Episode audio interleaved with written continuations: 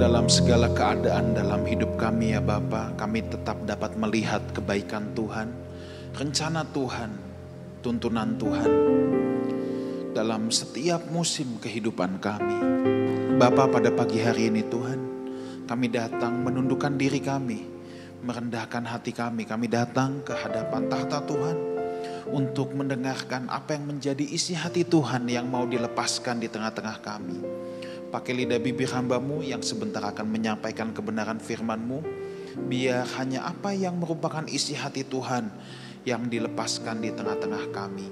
Kami berdoa, kami membuka tanah hati kami seperti tanah yang subur, supaya firman kebenaranmu boleh berbuah lebat dalam hidup kami dan memampukan kami untuk menjadi berkat juga di mana pun kami berada. Terima kasih dalam nama Tuhan Yesus kami siap, kami datang dengan kerendahan hati, kami datang dengan rasa lapar dan haus. Dalam nama Tuhan Yesus kami berdoa.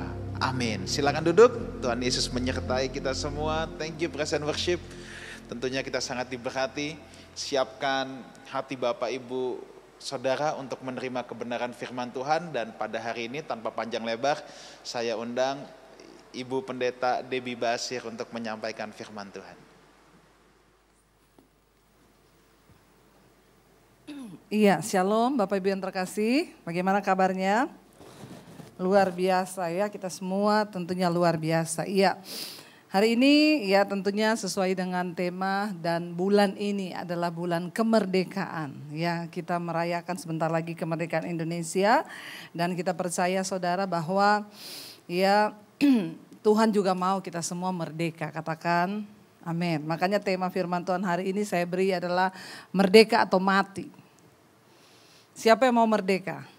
Iya, kalau kita nggak memilih untuk merdeka, maka pasti mati. Saudara kita tahu bersama bahwa kemerdekaan itu diperjuangkan.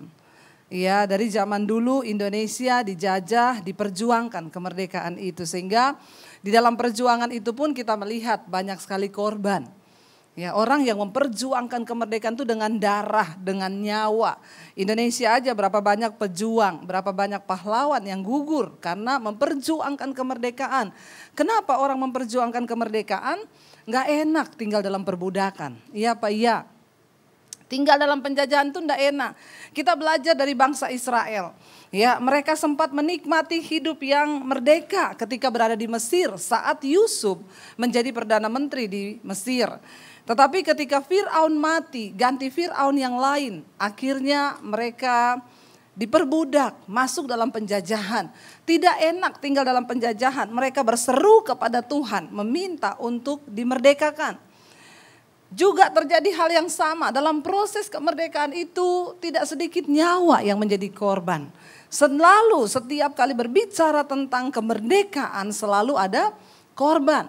Tapi kita bersyukur, kita percaya kepada Yesus untuk memperoleh kemerdekaan itu kita nggak usah berjuang lagi. Karena itu Alkitab berkata, ya barang siapa yang percaya kepada Kristus, kita dibenarkan bukan lagi karena perbuatan baik kita, karena perjuangan kita, tetapi karena kasih karunia. Itu di awal kita menerima Tuhan Yesus. Nggak ada seorang pun dari kita yang benar, termasuk saya. Saya bertobat terima Yesus ketika keadaan saya, ketika kehidupan saya, ketika saya ada di dalam dosa. Justru di situ saya menerima Yesus, saya menerima anugerah. Bukan karena perbuatan baik saya saya diselamatkan, tetapi hanya karena kasih karunia. Yesus mati, darahnya tercurah, pengorbanannya nyawanya untuk memerdekakan saudara dan saya. Tetapi setelah kita dimerdekakan, saya mau tanya saudara, bangsa yang sudah merdeka bisa jatuh lagi nggak dalam penjajahan? Bisa? Sudah pada sarapan belum ini? Ya, ayo kita sama-sama respons ya biar kita sama-sama belajar. Bangsa yang sudah merdeka bisa nggak dijajah lagi? Bisa. Ya, Indonesia bisa nggak dijajah lagi? Bisa kalau tidak berjaga-jaga. Nah orang Kristen yang sudah dimerdekakan Tuhan Yesus bisa nggak jatuh lagi di bawah kutuk dosa dan terikat lagi di bawah dosa bisa nggak?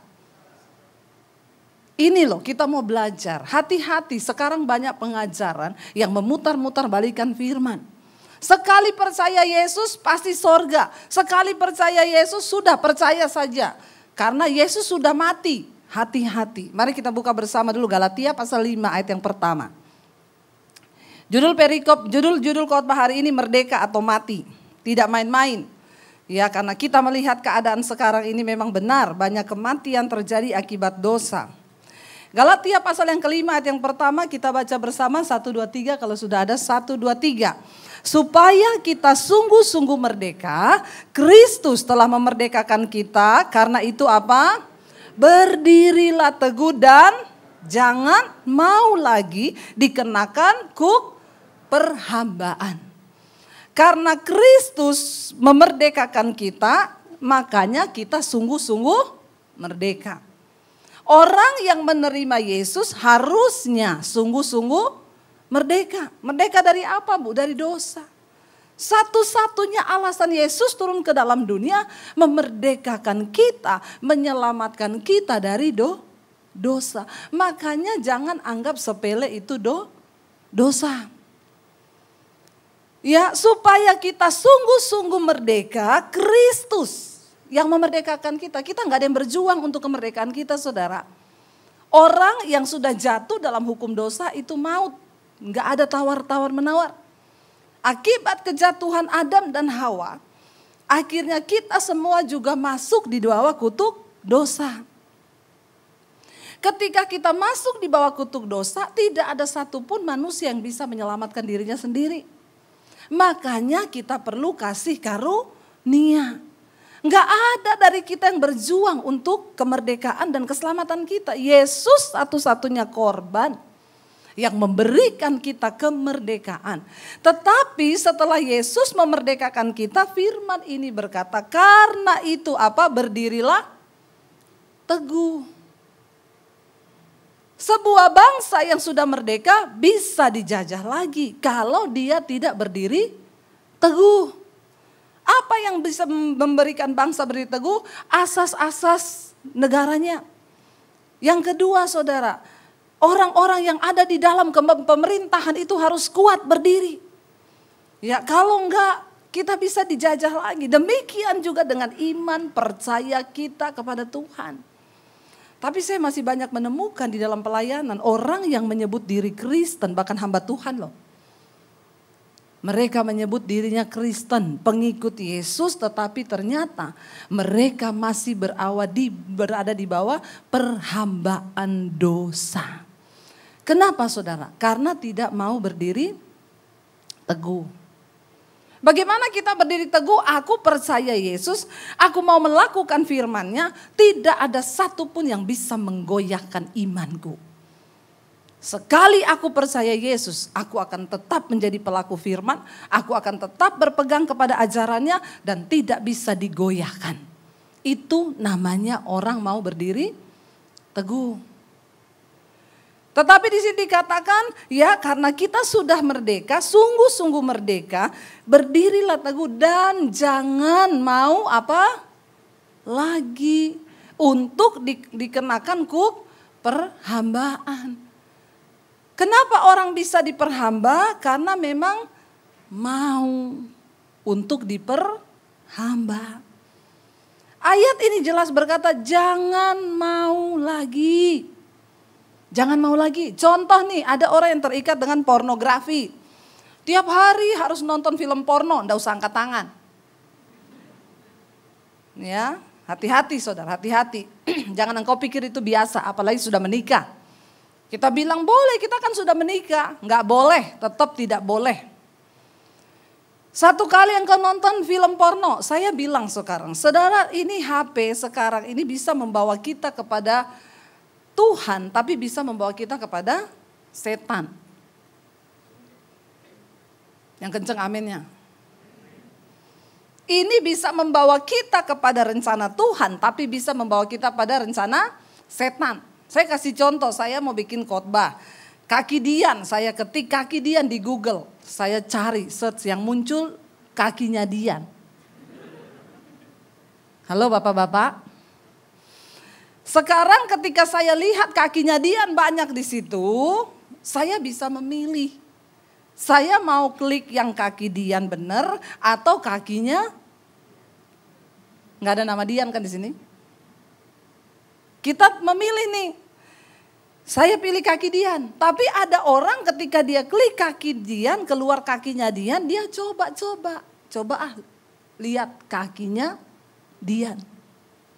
Waktu engkau klik kakinya Dian, muncul kaki-kakinya yang lain. Kakinya Susi, kakinya ini, ini, ini. Engkau lihat dulu nih kakinya Dian. Engkau nikmati itu tersimpan di alam bawah sadarmu. Karena engkau mah mau. Jangan salahin setan terus. Kasihan setan. Memang dari dulu setan itu sudah jadi ya objek yang mau disalahkan. Contoh Adam, Hawa, ular. Waktu Tuhan bilang, kenapa kamu makan buah itu? Adam bilang, ini loh perempuan ini. Ditanya, kenapa Hawa? Hawa bilang, ular. Ditanya ular, kenapa ular? Ya, memang aku karena sudah tidak ada yang mau disalahkan kan. Ya udah terpaksa lah ular terima mentah-mentah dia yang salah. Nah manusia tuh begitu. Waktu sekali engkau lihat kakinya Dian karena memang engkau ma mau. Jangan bilang setan. Engkau mau. Lalu engkau lihat besoknya yang tersimpan di alam bawah sadarmu itu kaki Dian. Dian punya kaki. Nah iblis ini mengingatkan, iblis ini hanya mengingatkan loh, eh kemarin kan kamu nonton tuh kakinya Dian. Kamu nggak mau lihat kakinya Lisa, kakinya Susi, masih banyak kaki yang lain loh. Persoalannya orang masuk dalam perhambaan itu mau atau tidak. Mau atau tidak. Ayat ini berkata, karena itu kamu harus berdiri teguh, jangan mau lagi. Tapi manusia itu kalau sudah sekali lagi, mau lagi, mau. Lalu engkau ikuti saudara. Apa yang terjadi dengan bangsa kita hari-hari ini? Saya percaya Tuhan sedang membersihkan bangsa ini. Ya, aparat-aparat yang terjadi di TNI, Polri kita lihat. Ini bukan rahasia lagi, memang sudah umum, viral. Yang di TNI suami selingkuh, selingkuh mungkin karena pengen nikah masih ada istri, ya udah bunuh dulu lah istrimu. Sewa pembunuh bayaran. Dibayar 120 juta, harga nyawa istrinya cuma 120 juta. Disuruh orang tembak, waktu mau nembak, yang nembak ini masih punya takut Tuhan di hati. Disuruh tembak di kepala, meleset turun ke bawah karena tak Takut Tuhan nih loh. Makanya kita perlu berdoa supaya pemerintahan di atas bangsa ini punya roh takut Tuhan. Gak usah jadi Kristen dulu, gak usah. Punya roh takut akan Tuhan. Kalau orang itu masih punya roh takut akan Tuhan, agamanya apa itu masih lumayan saudara. Yang penting punya takut Tuhan dulu. Ini nggak takut Tuhan ini yang bahaya. Biar pendeta sekalipun kalau nggak takut Tuhan mengerikan. Dia punya roh takut Tuhan yang disuruh tembak, nggak jadi tembak kepala turun ke bawah, nggak mati. Viral beredar kabar. Yang suruh bunuh istrinya ini malu kan, sudah terlanjur malu, lari ke selingkuhan. Selingkuhan nggak mau ikut-ikut, saya nggak mau. Kamu pergi dari sini. Aku nggak kenal kamu. Pulang kampung, minta maaf orang tuanya, minum racun, mati. Tadinya dia pikir maut yang mengintai istrinya. Padahal roh maut itu mengikuti dia. Hati-hati saudara. Cara bekerjanya setan, cara bekerjanya iblis itu mengerikan. Engkau yang hari ini masih main-main dengan kenajisan dan percabulan, hati-hati. Hati-hati. Siapa yang menyangka dia akan berakhir mati dengan bunuh diri? Dia pun tidak menyangka. Tapi setan tidak akan pernah meloloskan orang-orang yang jatuh dalam perangkapnya. Karena tuj, ujung-ujungnya tujuan setan itu apa? Bi, binasa. Hari-hari ini setan juga bekerja lembur. Kenapa? Dia tahu waktunya singkat. Kalau pendeta, kalau setan lembur, masa pendeta nggak mau lembur? Amin apa amin? Makanya saya nggak mau membuang waktu. Hari ini kita bekerja giat bagi pekerjaan Tuhan. Supaya semakin banyak orang diselamatkan. Saya baru pulang dari Makassar, Toraja. Kita bikin seminar hamba-hamba Tuhan. Di Toraja puji Tuhan yang ikut 500 lebih hamba Tuhan. di, eh, di, di Makassar. Di Toraja kemarin 1035 hamba Tuhan terkumpul dari 30 denominasi gereja. Kami bersatu di situ berdoa.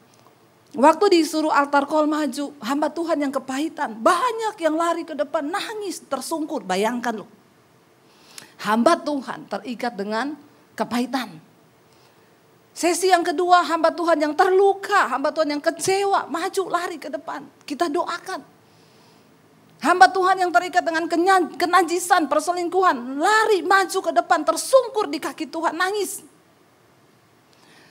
Saudara, kenapa kami punya hati dan ini akan kami lakukan di seluruh Indonesia. Hari-hari ini kenapa gereja mati dan tidak lagi berkuasa? KKR tidak terjadi di dalam gereja. Kebangunan rohani terjadi di luar gereja. Kita harus buka mata hari-hari ini melihat keadaan ini. Ya, bagaimana gereja bisa menjadi terang? Karena di dalam gereja sendiri sudah terlalu banyak urusan-urusan yang bukan lagi kepentingan Tuhan. Bahkan orang di gereja datang dan pergi nggak ada perubahan. Makanya saya bilang setan tidak lagi bekerja di gereja, cuma kontrol. Lancar coy, lancar. Penuh, penuh, lanjutkan. Mm -mm. Setan nggak bekerja lagi di gereja. Karena kita sudah terlalu nyaman. Saya dan beberapa teman hamba Tuhan yang punya hati, kami bikin pergerakan itu. Pelayanan itu nggak dapat duit saudara, keluar uang. Kami berkati hamba-hamba Tuhan di desa. Ya, keluar tenaga, waktu kita harus pergi jauh-jauh. Ke depan kita punya program untuk kota poso saudara. Kenapa? Kami melihat kota-kota di Indonesia sudah mulai dihijaukan. Karena gereja nggak peduli. Orang Kristen nggak peduli. Nasib bangsa ini ada di tangan gereja anak Tuhan.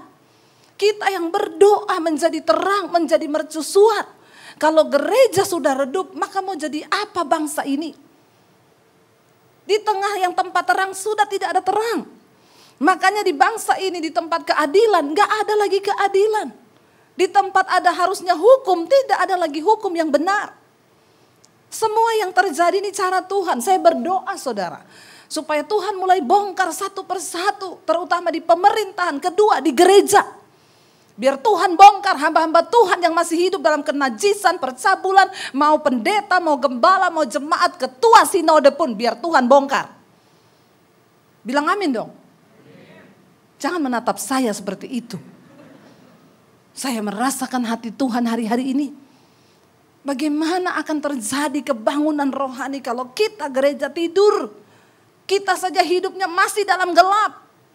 Kenapa? Karena mau lagi, mau lagi memperhambakan diri. Tuhan bilang, Alkitab bilang, jangan kamu mau lagi dikenakan kuk perhambaan. Engkau yang berdiri berkata, Tuhan aku kena ikatan film porno. Aku berdoa hari ini dalam nama Tuhan Yesus, aku dilepaskan. Bangun dirimu di atas dasar iman yang paling suci.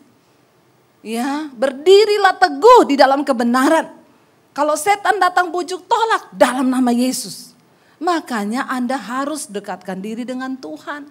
Kenapa? Orang tidak mungkin bisa ada dalam kemerdekaan yang sejati kalau hubunganmu dengan Tuhan tidak dekat. Amin. 24 jam sehari apa yang kau lakukan saudara? Saya tuh sekarang mengucap syukur ke mana-mana saya pergi orang ngomong bu terima kasih sekarang saya masak pokoknya ibu temani saya. Saya nyetrika ibu temani saya, saya di mobil ibu temani saya, khotbah-khotbah ibu banyak membangun hidup saya, rohani saya, di mana pun saya berada. Sekarang kita kan bisa memilih saudara. Kebangetan kalau imanmu mati, di mobil engkau bisa setel khotbah, engkau tinggal pilih khotbah yang mana. Lihat, dengar khotbahnya Pak Gembala Wigan, engkau bisa putar, engkau bisa dengar. Siapa pendeta yang mau engkau dengar? Dengar. Kasih makan manusia rohanimu supaya rohmu kuat. Berdiri teguh dan jangan mau lagi dikenakan kuk perhambaan. Karena kalau engkau tidak menjadi hamba kebenaran, engkau akan jadi hamba dosa. Kalau enggak jadi hamba Tuhan, engkau jadi hamba setan. Hamba Tuhan itu bukan soal jabatan pendeta. Kita semua yang mengaku percaya Yesus harus jadi hamba Tuhan. Apa itu namanya hamba Tuhan? Orang yang taat pada Tuhan, orang yang taat pada kebenaran. Kita lihat saudara, 2 Korintus 3 ayat yang ke-16 sampai 17 berkata begini saudara. Bagaimana kita bisa tidak kena kuk perhambaan lagi? Kita harus jaga itu. Jangan pikir setelah jadi Kristen sudah Kristen. 2 Korintus 3 pasal 16 firman Tuhan berkata begini saudara. Ya, bagaimana hati kita, tanah kita ini dibajak supaya kita ini sungguh-sungguh berbalik kepada Tuhan. Baca bersama 1, 2, 3. Tetapi apabila hati seseorang berbalik kepada Tuhan, maka selubung itu diambil daripadanya. Sebab Tuhan adalah roh. Di mana ada roh Allah, di situ ada kemerdekaan. Bagaimana kita bisa hidup dalam kemerdekaan? Hatimu itu harus berbalik kepada Tuhan. Artinya berto, bertobat. Kalau pengajaran hyper grace berkata kita tidak perlu bertobat. Dosa kita sudah diampuni. Dosa masa lalu, dosa sekarang, dosa akan datang. Jadi tidak perlu bertobat, maka kebablasanlah hidupmu. Makanya banyak orang tidak pernah berubah jadi Kristen, hidupnya tetap begitu. Dosa tetap dosa.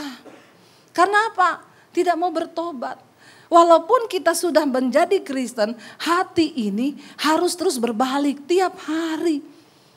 Balikan hatimu kepada Tuhan. Bangun pagi Tuhan terima kasih engkau bangunkan aku dengan tubuh yang sehat. Hari ini adalah hari anugerah. Aku mau berjuang agar hidupku hari ini dalam kekudusan. Katakan, nanti siang Engkau dengerin khotbah, engkau dengerin puji-pujian. Itu namanya hatimu berbalik kepada Tuhan. Saya hari-hari ini serius mengingatkan saudara. Kita ada di waktu-waktu pertempuran, jangan lengah. Setan bekerja luar biasa. Ya, yang terjadi di bangsa kita, yang satu lagi saudara, akhirnya bisa membunuh. Ya, belum terjelas ini motifnya apa, tetapi ujung-ujungnya balik ke perselingkuhan, kenajisan, percabulan.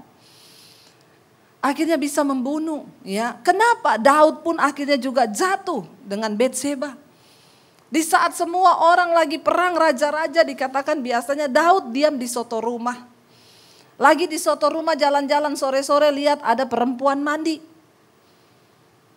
Perempuan rambutnya panjang, pirang, badannya putih, bodinya mantap, ndak usah dibayangkan. Daud lihat saudara. Persoalannya kita belajar dari kegagalan Daud. Daud itu tadinya orang yang sangat berhasil. Dia berhasil dalam ketaatan melawan Goliat, dia berhasil memenangkan pertempuran, dia berhasil melawan kepahitan ketika dia nggak dianggap oleh keluarganya, dia berhasil melawan kesedihan hati, dia berhasil, dia berhasil, dia berhasil. Dia tanya Tuhan apa-apa, dia tanya Tuhan, tanya Tuhan, tanya Tuhan. Cuma satu kegagalannya, ketika dia lihat perempuan cantik lagi mandi, dia tidak tanya Tuhan. Dia tanya siapa? Dia tanya prajuritnya, itu yang mandi siapa? Kalau dia tanya Tuhan, pasti dia tidak akan jatuh di dalam kuk perhambaan dosa. Tapi masalahnya dia tanya prajuritnya, tadi sore jam 4 ada yang mandi di situ. Coba kamu selidiki, namanya siapa? Kamar mandinya itu kira-kira dari istana saya sekian gini gini gini gini gini gini. Oke, raja. Ya, dia pergi cari tahu, dapat info balik. Saya sudah tahu itu perempuan raja siapa? Namanya Betseba. Dia istri Uria, prajuritmu lagi pergi berperang. Daud bilang, bisa nggak kamu panggil dia datangkan ke istanaku? Perhatikan cara kerja dosa. Dari mata turun ke hati. Dia biarkan setan mempengaruhi tadinya saudara. Padahal dia ini orang yang peka dengan Tuhan loh. Semua dia tanya Tuhan. Masalah Betseba dia tidak tanya Tuhan. Hati-hati bapak-bapak. Akhirnya ketika dia melihat dibawalah perempuan ini ke istana. Singkat cerita Alkitab berkata Daud meniduri Betseba. Ketika Daud meniduri Betseba, Lalu Alkitab berkata, hamilah, mengandunglah Betseba. Ngomong ke Daud, aku mengandung. Ketika engkau melakukan satu dosa, maka setan akan menyuruh engkau melakukan dosa yang lain untuk menutupi satu dosa ini. Dan di situlah engkau akan masuk dalam yang namanya perbudakan do, dosa. Tadinya sudah merdeka. Gara-gara lakukan satu dosa, bikin dosa yang lain. Bapak-bapak, waktu engkau sembunyikan SMS satu perempuan di HPmu, maka engkau akan mulai bikin dosa yang lain, dosa yang lain untuk menyembunyikan satu dosa itu. Jadi daripada engkau sembunyi, hiduplah transparan apa adanya. Tidak usah bikin dosa. Orang yang paling bahagia di dalam dunia ini bukan orang kaya, tapi orang yang hidup dalam kebenaran. Nggak ada intimidasi iblis. Akhirnya saudara Alkitab berkata, Betseba hamil, Daud bingung. Bagaimana caranya orang lagi per, suaminya lagi perang, kok bisa istrinya hamil? Lalu Daud suruh orang kirim surat ke panglimanya, pulangkan Uria, ya. Uria dipulangkanlah balik dari medan pertempuran. Daud bilang kamu kan sudah perang ya, ini tak kasih hadiah, saya kasih makanan enak, kamu pulanglah tidur dengan istrimu. Pikirnya Daud kalau Uria pulang tidur sama istrinya Betseba, lalu Betseba hamil, amanlah dia. Dia bisa menyembunyikan dosanya. Dia pikir Tuhan tidak melihat apa yang dia buat. Ingat Bapak Ibu, semua dosa yang kita lakukan Tuhan maha melihat. Percuma engkau tutupi dosamu di hadapan manusia karena Tuhan melihat. Sehebat apa pun engkau di gereja, pelayananmu, mungkin sebagai pemusik, WL singers, kalau engkau hidup di dalam dosa maka Tuhan melihat hidupmu. Lalu Daud suruh Uria pulang tidur sama istrinya. Uria adalah seorang prajurit yang sangat berintegritas. Kalau kita bicara tentang integritas, kita bisa belajar dari Uria. Uria ngomong apa? Tuanku, tabut ada di tengah-tengah medan pertempuran. Semua teman-temanku dan para prajurit sedang menaruh nyawa mereka hanya tidur di tenda di medan pertempuran di padang gurun. Lalu aku disuruh pulang tidur dengan istriku demi nyawa Tuanku dan demi nama Allah yang hidup aku tidak akan melakukan hal itu. Aku tidak akan pulang bersenang-senang dengan istriku sementara teman-temanku lagi bertarung nyawa. Wow, integritasnya luar biasa. Tidak sampai di situ, Daud bingung. Uria tidur di soto istananya dengan pengawal-pengawal yang lain. Besoknya hari kedua Daud cari cara lagi. Dia harus tidur sama istrinya nih. Tidur sekali aja udah beres. Ternyata Uria dikasih mabuk. Sama Daud disuruh minum, minum dia sampai mabuk. Tapi orang berintegritas itu biar mabuk tetap berintegritas. Tapi saudara jangan pulang mabuk semua. Ya. Lalu Uria suruh tidur dalam keadaan mabuk. Uria bilang, aku tidak akan melakukan itu. Dia tetap tidur karena dia mabuk terpaksa. Disuruh sama raja minum. Ya kalau raja yang suruh tembak, ya tembak saudara. Mau bagaimana? Yang suruh bos, tidak berdaya anak buah. Dia tidur di soto istana, akhirnya Daud bingung. Daud menulis surat pembunuhan untuk Uria. Dari dosa kenajisan awalnya cuma lihat di kamar mandi loh, ini Betseba mandi.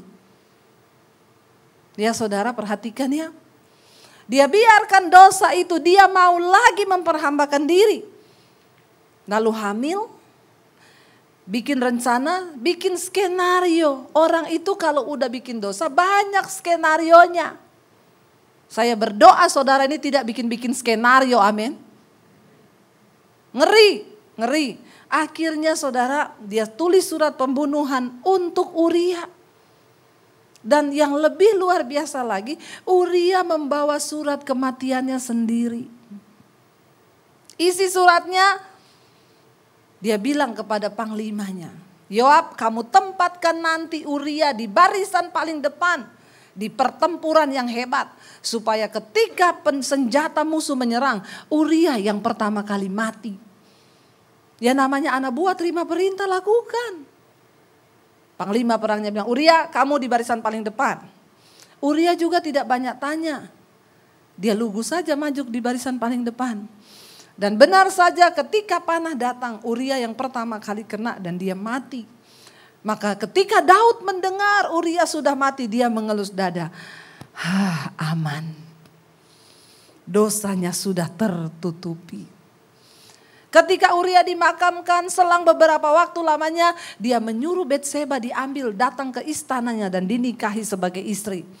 Semua orang bersorak-sorai karena pada zaman itu kalau ada perempuan yang suaminya mati di medan pertempuran dan dia sedang dalam keadaan hamil, lalu ada laki-laki mau menjadikan dia istri itu sebagai pahlawan.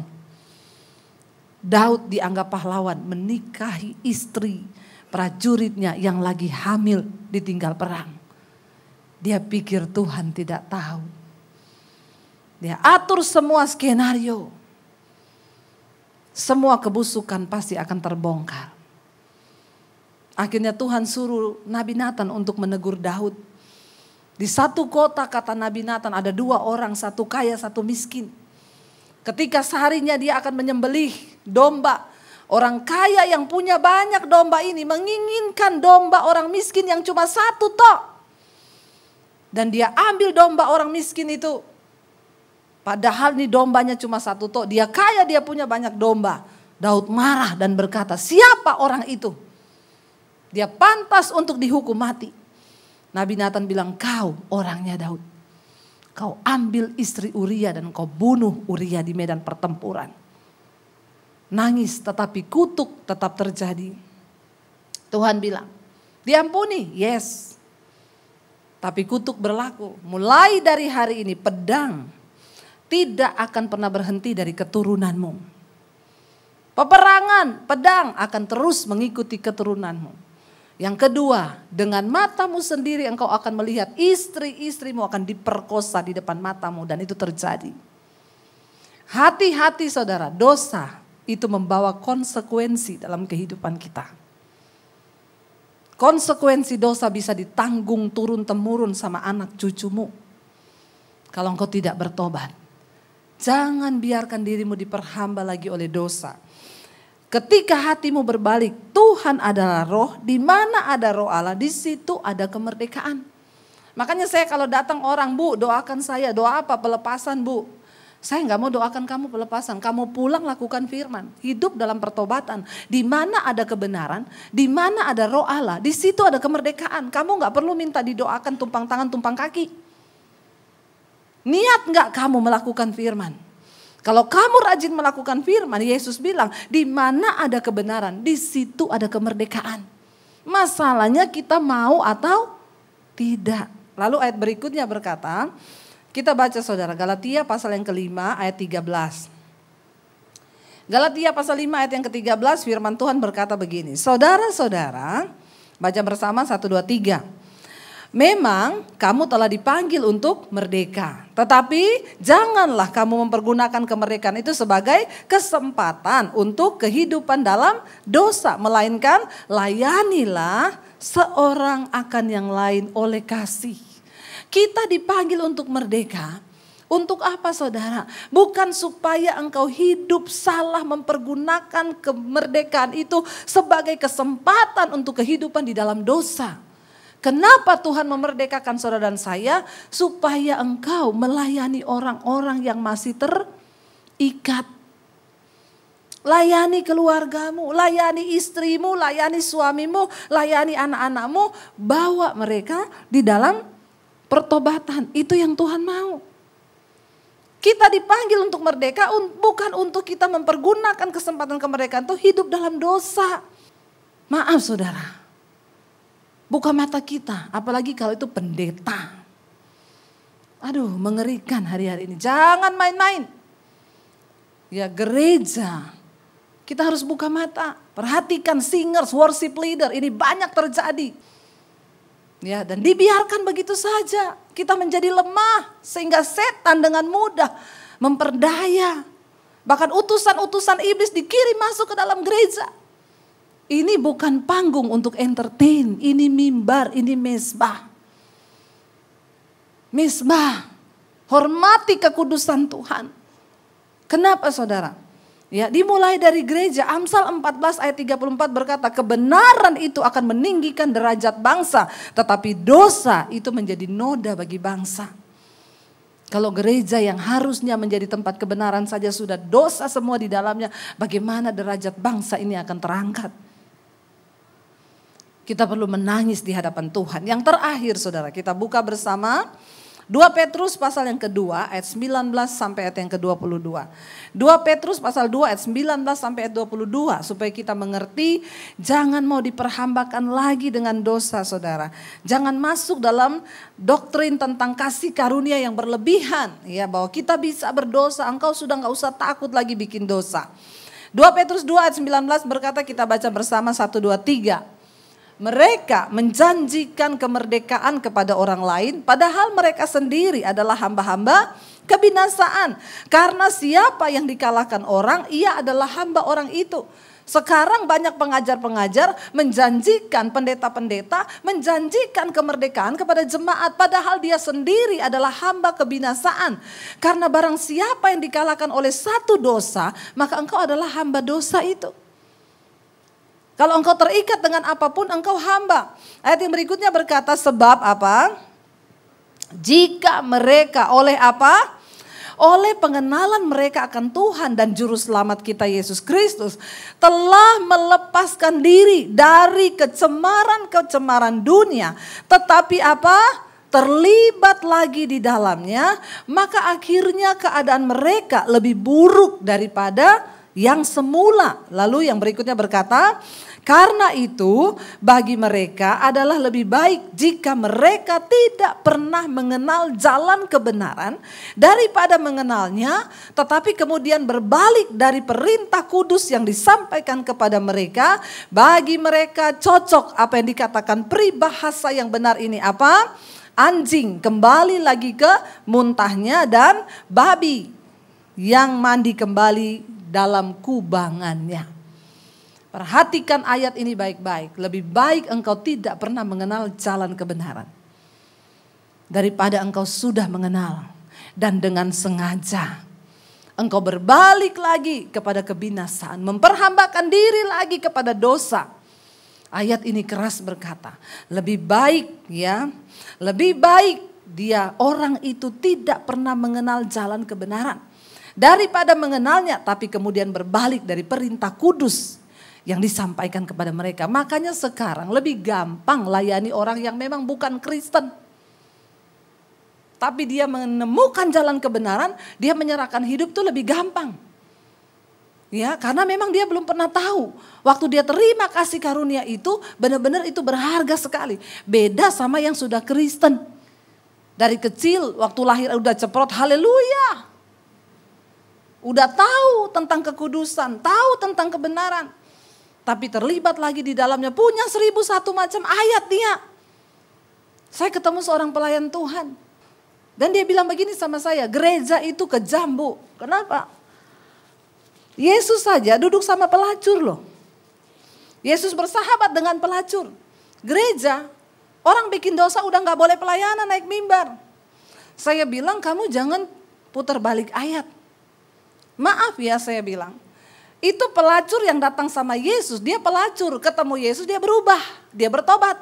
Kalau kamu sudah di atas mimbar diterima oleh kasih karunia tapi kembali melacurkan diri.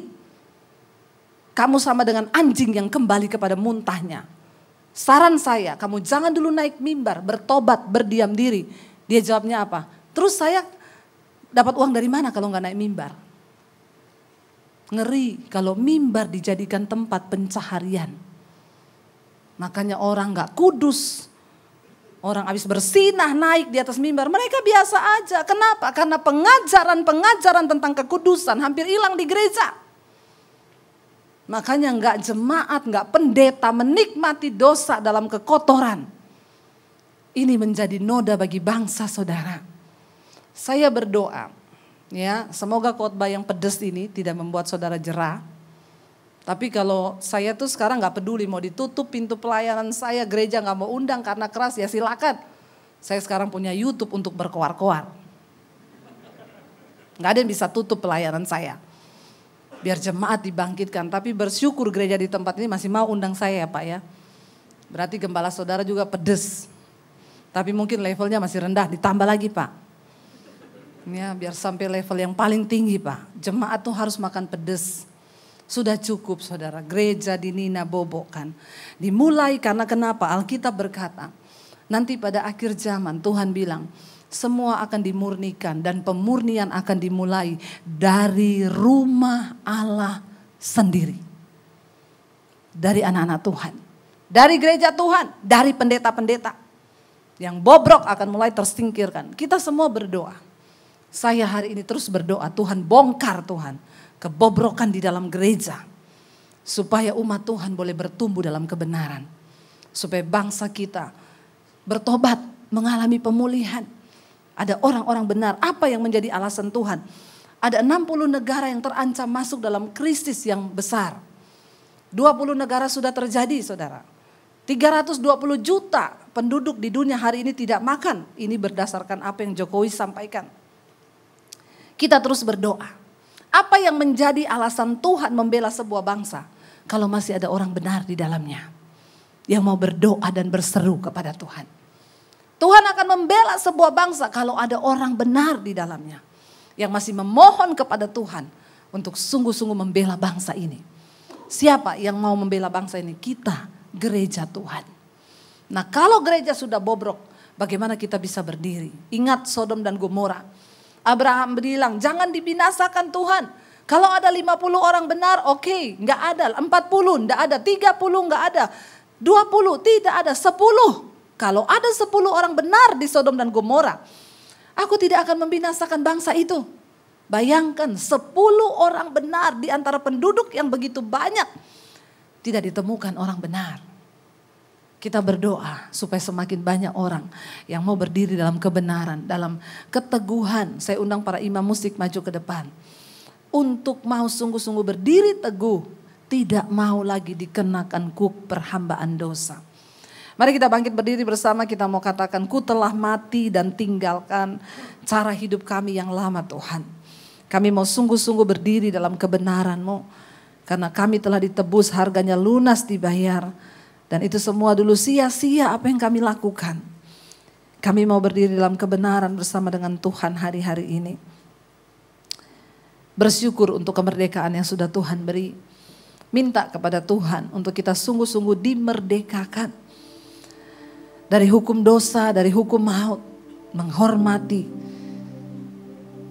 kemerdekaan yang Yesus berikan. Katakan pada Tuhan, kami mau menghormati kematian-Mu Tuhan Yesus. Yang memberikan kami kemerdekaan. Ku telah mati dan tinggalkan cara hidup kami yang lama. Cara hidupku Karena semua itu sia-sia Tuhan. Semuanya sia-sia dan tak berarti lagi hidup ini. Hidup ini Kami letakkan di atas mesbah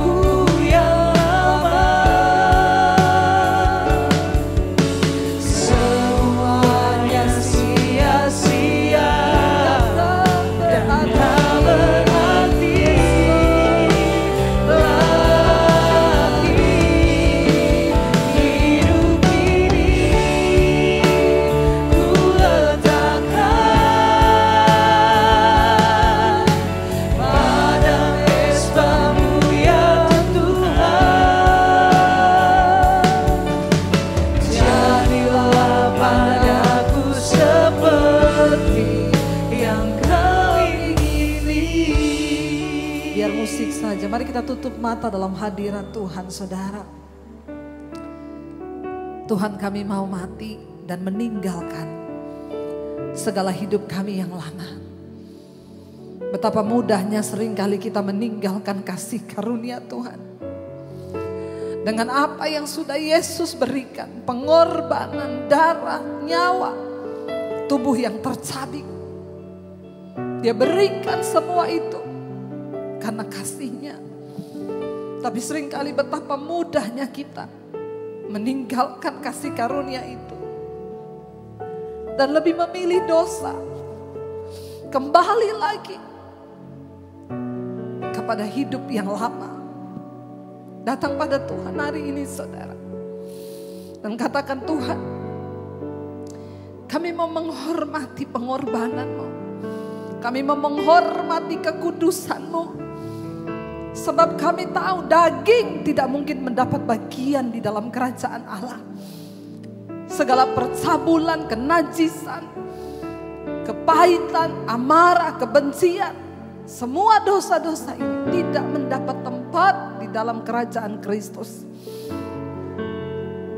Kami berdoa Tuhan, kembalikan kami. Bahwa kami kembali masuk dalam hadiratmu Materaikan kami di dalam hatimu Tuhan. Di tengah-tengah perjuangan hidup. Melawan semua arus dunia. Biar gereja dikuduskan. Biar kami berdiri dalam kekudusan. Itulah yang akan menjadi kekuatan kami. Berdiri teguh dan tidak lagi menyerahkan hidup di dalam perhambaan dosa. Saudara yang datang suami istri, saudara boleh bergandengan tangan. Bapak hamba berdoa. Suami istri bergandengan tangan. Tuhan, kami ada tanggung jawab membawa anak-anak kami kepada Tuhan. Karena itu kami berdoa sebagai suami istri, sebagai orang tua. Mampukan kami menjadi teladan di dalam kekudusan hidup kami.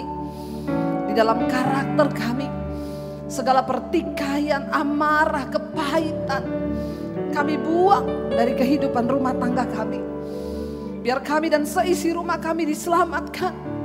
Tidak ada yang tertinggal ketika Tuhan datang satu saat nanti. Ketika nama kami dipanggil, anak-anak kami juga ada bersama-sama Tuhan. Kami tidak ingin gagal sebagai orang tua. Kami ingin membawa seluruh keluarga kami masuk dalam perkenanan Tuhan. Berkati Bapa, tarik kami untuk datang kepada kasih karuniamu yang memampukan kami untuk sungguh-sungguh hidup di dalam kebenaran Tuhan.